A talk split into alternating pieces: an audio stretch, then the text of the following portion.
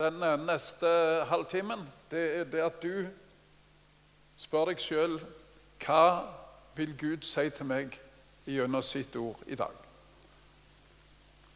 Ikke for det at jeg eh, Du kan også godt eh, kommentere predikanten om du det vil, men det er nokså nytteløst i lengden.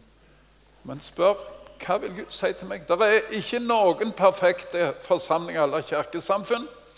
Det har jeg opplevd etter hvert, ikke bare her i landet. Men hvis Gud kan få si noe, så er det et under hver gang. Han kan tale til våre hjerter.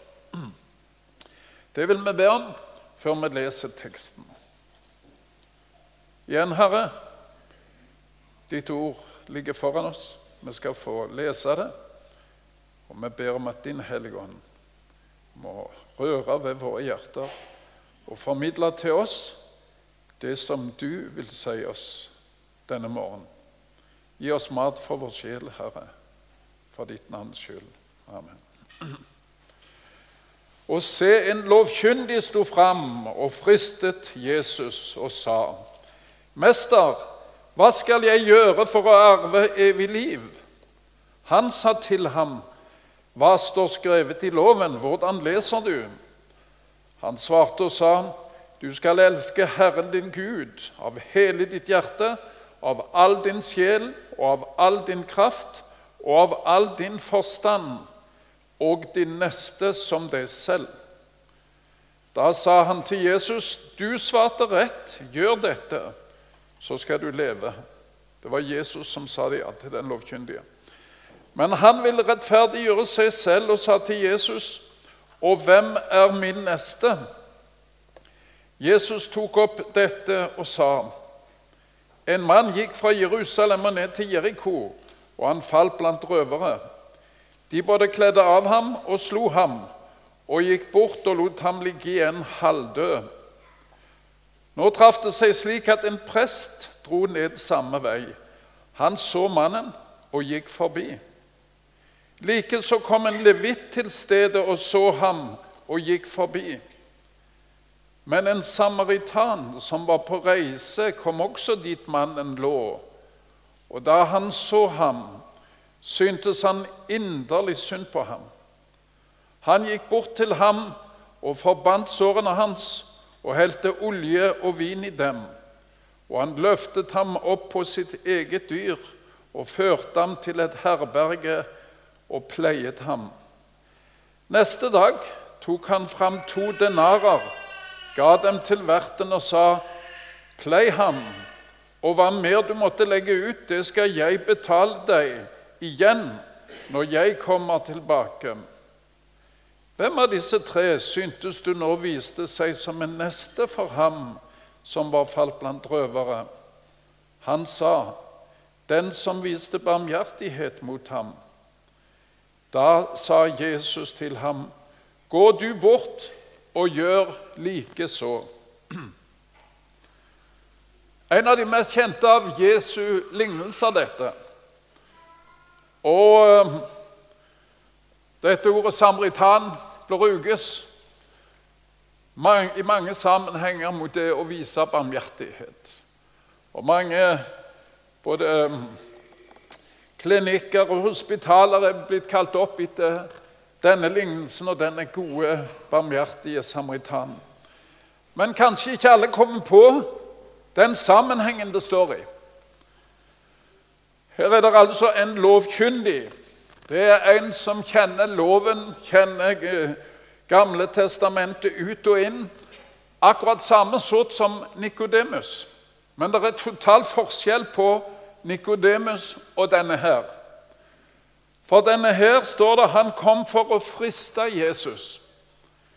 Nikodemus, som det står om i Johannes 3, han var en ærlig søker.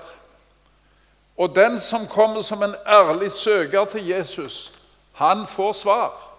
Og Jesus elsker den ærlige søkeren.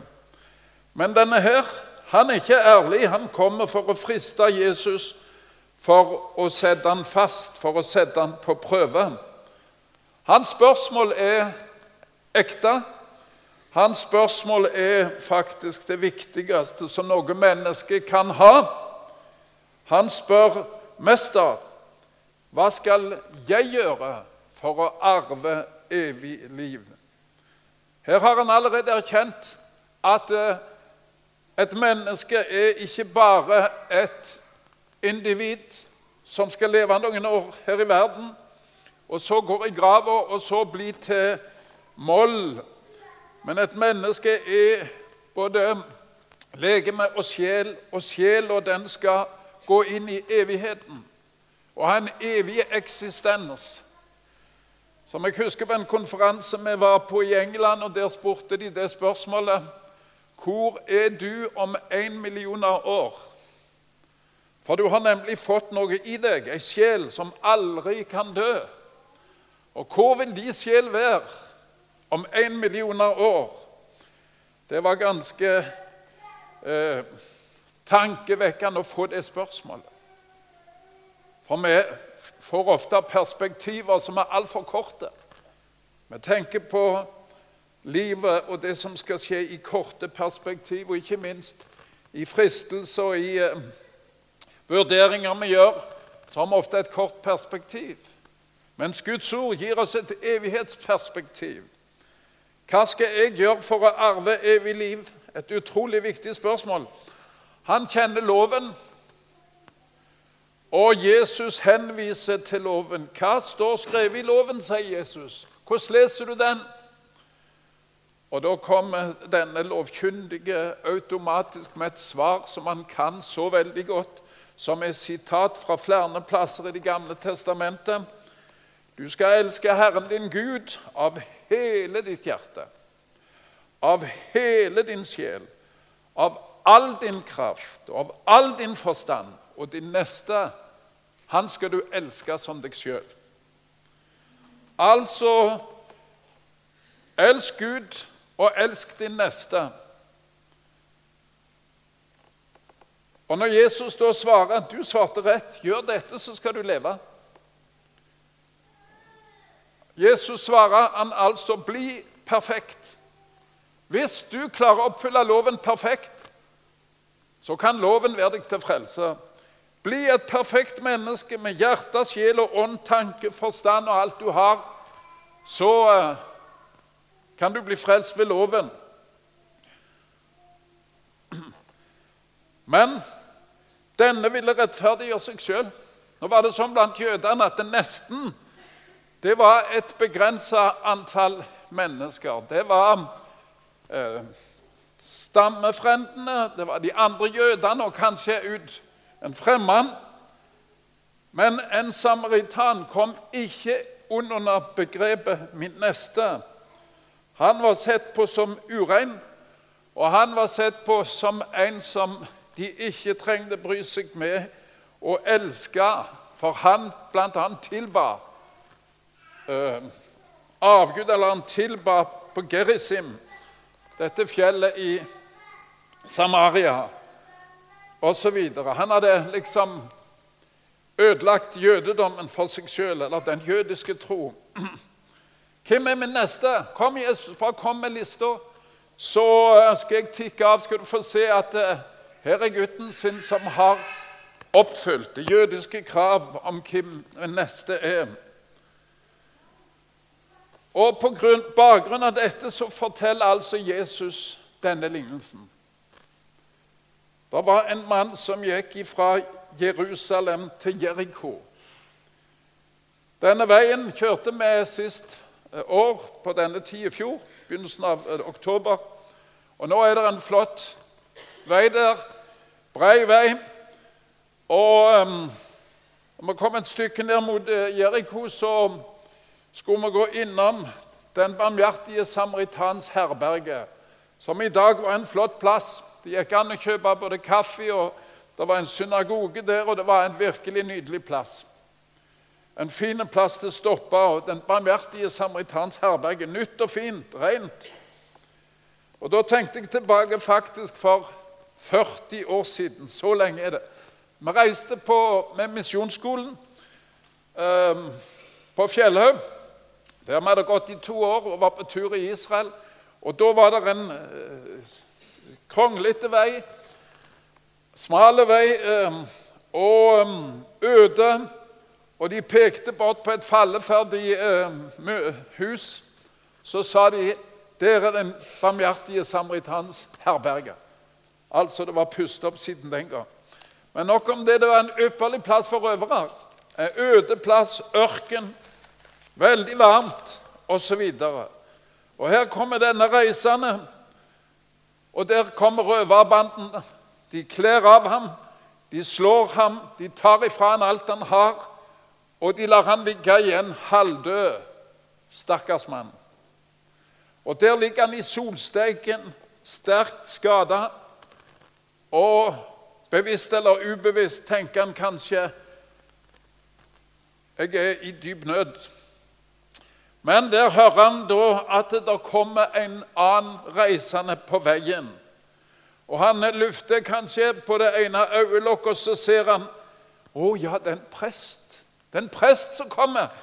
Å, jeg er redd. Presten han jo, han er jo til for å hjelpe folk.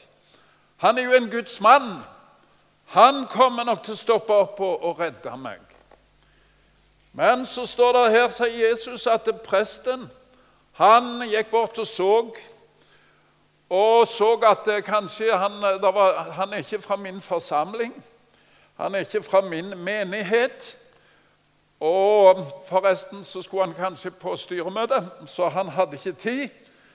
Og ville ikke skitne seg til, for da vet du, han kunne ikke komme på styremøte. skjedde noe feil. Så han skyndte seg av gårde til viktigere oppgaver og lot mannen ligge til stor uh, sorg for han som lå igjen. Men om en stund så kom en til, og det er en levitt. En av Moses' etterkommere. De som var utvalgt av Gud for å tjene. I dag kunne vi kalt han for en skikkelig god misjonsmann. En av de som hadde gitt sitt liv for å, å tjene folk, osv. Og, og det står om levitten han kom til stedet, så ham og gikk forbi. Underlig. En misjonsmann. Kanskje han tenkte å ja, han er ikke en av våre, så han eh, vil jeg ikke hjelpe. Det er ikke en vi kjenner. Kanskje det er en, det er en som ikke har noe med meg å gjøre. Det er ikke mitt ansvar. Håper noen av hans egne kommer og tar seg av han osv. Han fant iallfall en unnskyldning. Kanskje han også skulle på styremøte. Ingen vet, men han skyndte seg videre. Til stor eh, sorg for han som lå igjen. Hvor mye han klarte å tenke, det vet vi ikke. Men så, heldigvis, så kommer der en tredjemann som kommer med et dyr. Og den skadde i nød, han løfter på øyelokket, så ser han Oi sann, en samaritan. Han eh, Der er nok ikke mye håp, for det er jo de som vi hater. En samaritan, en innvandrer. Kanskje han ligner på mulla Krekar, hvem vet? Men eh, han forventer ingen sympati og ingen hjelp, viser det seg. Men denne mannen han gikk bort, og han så ham, står det. Han så ham. Og akkurat det uttrykket der eh, måtte jeg stanse litt for. Han så ham. Vi lever i en tid der vi ser så mye elendighet. Vi ser så mye både på TV, leser på, på Internett, leser i aviser at eh, det går kanskje raskt forbi oss. For det at vi orker ikke å ta det inn over oss. Og det å se den enkelte i et mulder av mennesker, det krever litt mer enn vanlig. Samtidig så vet vi det hvor viktig det er i dag for mennesker å bli sett. At noen ser meg, at noen bryr seg, at noen ser på meg som det verdifulle mennesket som jeg har som jeg er. Og Her kan vi sikkert spørre oss sjøl, de mennesker vi går iblant Ser vi den enkelte?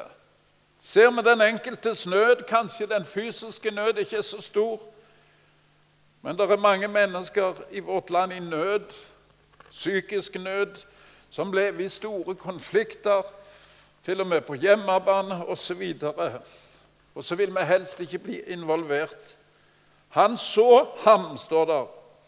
Og ikke bare så han han, han syntes inderlig synd på ham. Altså, han slapp nøden inn.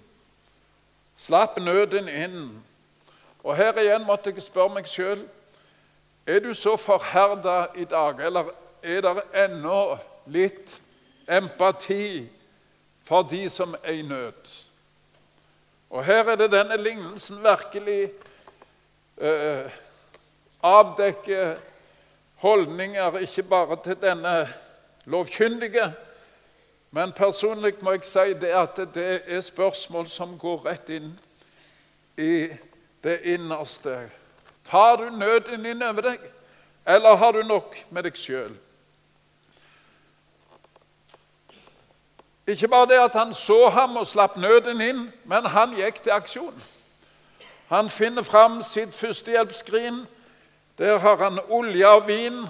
Han eh, renser såret til denne mannen. Og når jeg eh, tenker på det uttrykket, så husker jeg en gang i i Kenya, i Pokot. Vi var på besøk, vi var ikke der vi bodde. Men der kom ei dame som hadde gått i mange dager, og foten var i ferd med å råtne opp. Det var et grusomt syn å se denne foten hennes. Hun hadde mistet all følelse, så begynner Ingrid, sykepleier, å rense dette såret. Det var litt av en jobb. Og lukta gjorde det, for å si det sånn. Så tenkte jeg òg på det at eh, noe sånn var det òg denne gjorde. Han renste såret. Han tok den eh, belastningen det var. Og ikke bare det, han løfta han opp på sitt dyr og førte ham til herberget. Han var ikke redd for å skitne seg til. Så kunne en spørre hva i alle dager ville han oppnå denne? Han var jo en samaritan. Han var jo i grunnen hata av den han hjalp. Hva ville han oppnå? Kunne det svare seg for han å gjøre dette? Det er vel tvilsomt hvor mye det svarte seg, men han spurte ikke til det. Men han hadde det i seg, han hadde det i sitt hjerte at her er et menneske som trenger meg, og et menneske som jeg kan hjelpe. Denne lignelsen her har flere vinklinger og et grunnlag, kunne vært grunnlag for en svært lang bibeltime. Men vi skal ta noen ting som kan angå oss. Og um, tilbake til den lovkyndige. Allerede her så kommer den lovkyndige til kort. Han blir avslørt. For det at selv om han hadde oppført seg greit mot sine felles jøder, så hadde han ikke brydd seg om de som var utenfor, og slettes ikke en av de andre stammene, og eh, slettes ikke disse samaritanene. Unnlatelsessynder er òg synder. Ser du en sønderknust sjel på din vei, gå ikke kaldt forbi. Kanskje lot Herren han akkurat møte deg, gå ikke forbi han står det i en sang. Og her måtte Var denne lovkyndige ærlige, så ville han ha sagt Jeg ser, Herre, at du har rett. Her strekker jeg ikke til.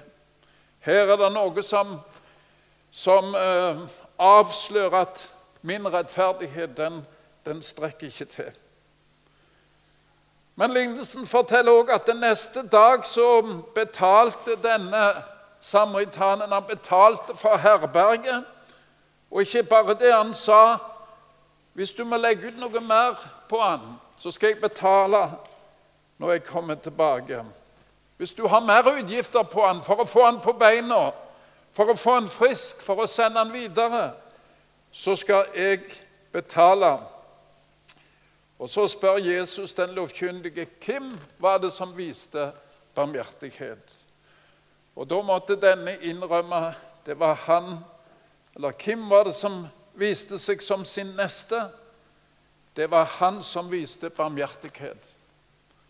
Altså Guds kjærlighet den kan en ikke sette i bås og begrense.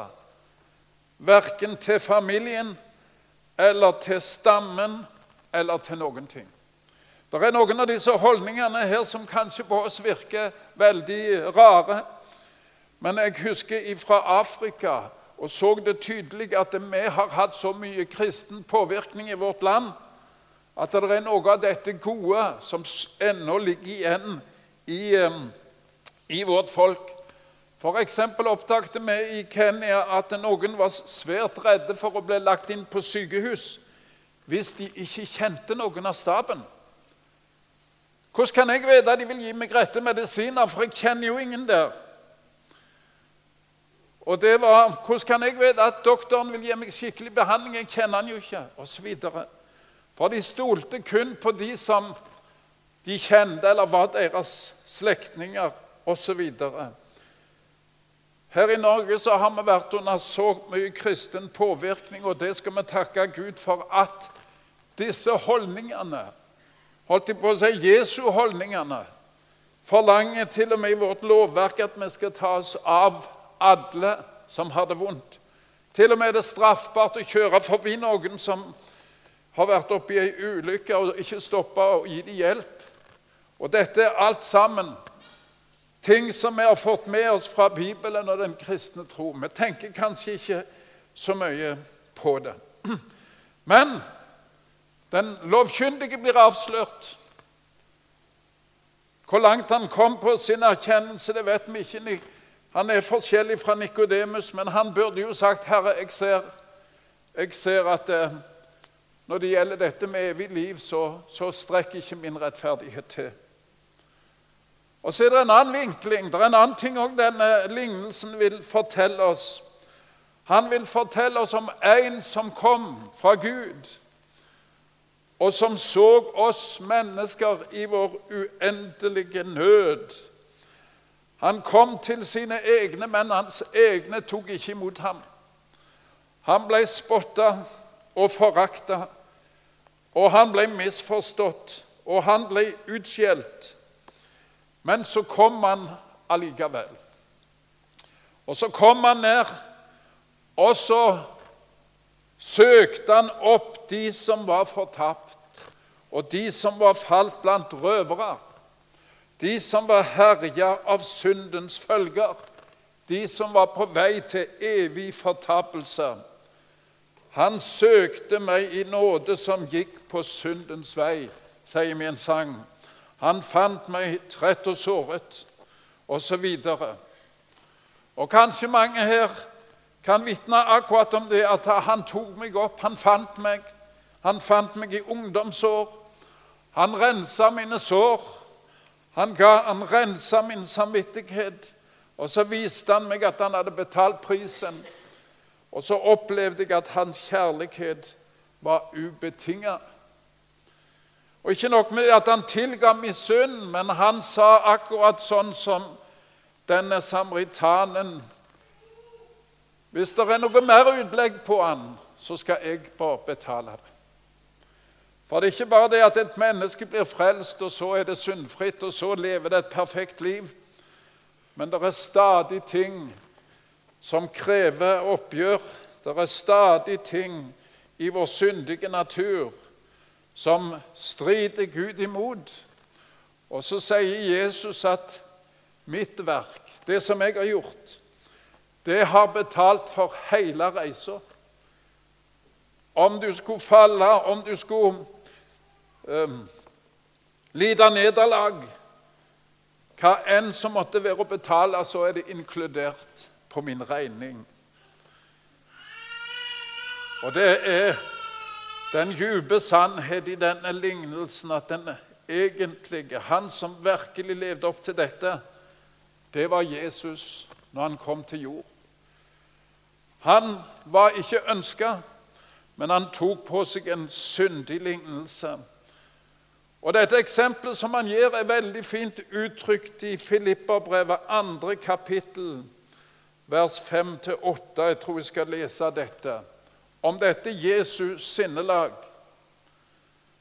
La dette sinn være i dere som òg var i Kristus Jesus, han som var i Guds skikkelse, og ikke holdt det for et røvet bytte å være Gud lik, men ga avkall på det og tok en tjenerskikkelse på seg. Og da han kom i menneskers lignelse, og da han i sin ferd var funnet som et menneske, fornedret han seg selv og ble lydig til døden, ja, døden på korset. La dette sinn være i dere som òg var i Kristus Jesus. Ikke på grunn av at du skal betale for resten av reisa, men på grunn av Hans nåde. Og vi blir oppfordra i Skriftene la Kristus få vinne skikkelse i oss. La hans sinnelag Og Jesus viste det sjøl der med, med, det siste måltidet, når han bøyde seg ned. Han som var Guds sønn, og bøyde seg ned og vaskte føttene på disiplene. Og så sa han, 'Nå gitt dere et eksempel. Sånn skal dere være mot hverandre.' Hadde den lovkyndige her erkjent Vi vet ikke om han gjorde. Jeg ser det, Gud, at eh, når det kommer til det evige liv, så er det bare ett håp for meg. At jeg får ta imot din nåde. Og eh, det skal vi få lov å prise Gud for her, som har oppdaget at det ikke bare er det veien, men han sier til oss 'Kom til meg, alle som strever tungt å bære'. Og eh, som Bibelen sier, i dag er frelsens dag. I dag er Gud å finne. Om du kommer til Han første gang og får rensa dine sår, eller om det langs veien har vært så nederlag, så la du merke til her at han sa hvis det er mer utlegg på han, så skal, har jeg ordna opp for det òg. Så kan vi få lov å komme med de utlegg og de nederlag som har vært videre på veien. Og så sier han, 'Den som kommer til meg, vil jeg ingen lunde støte bort'. Amen.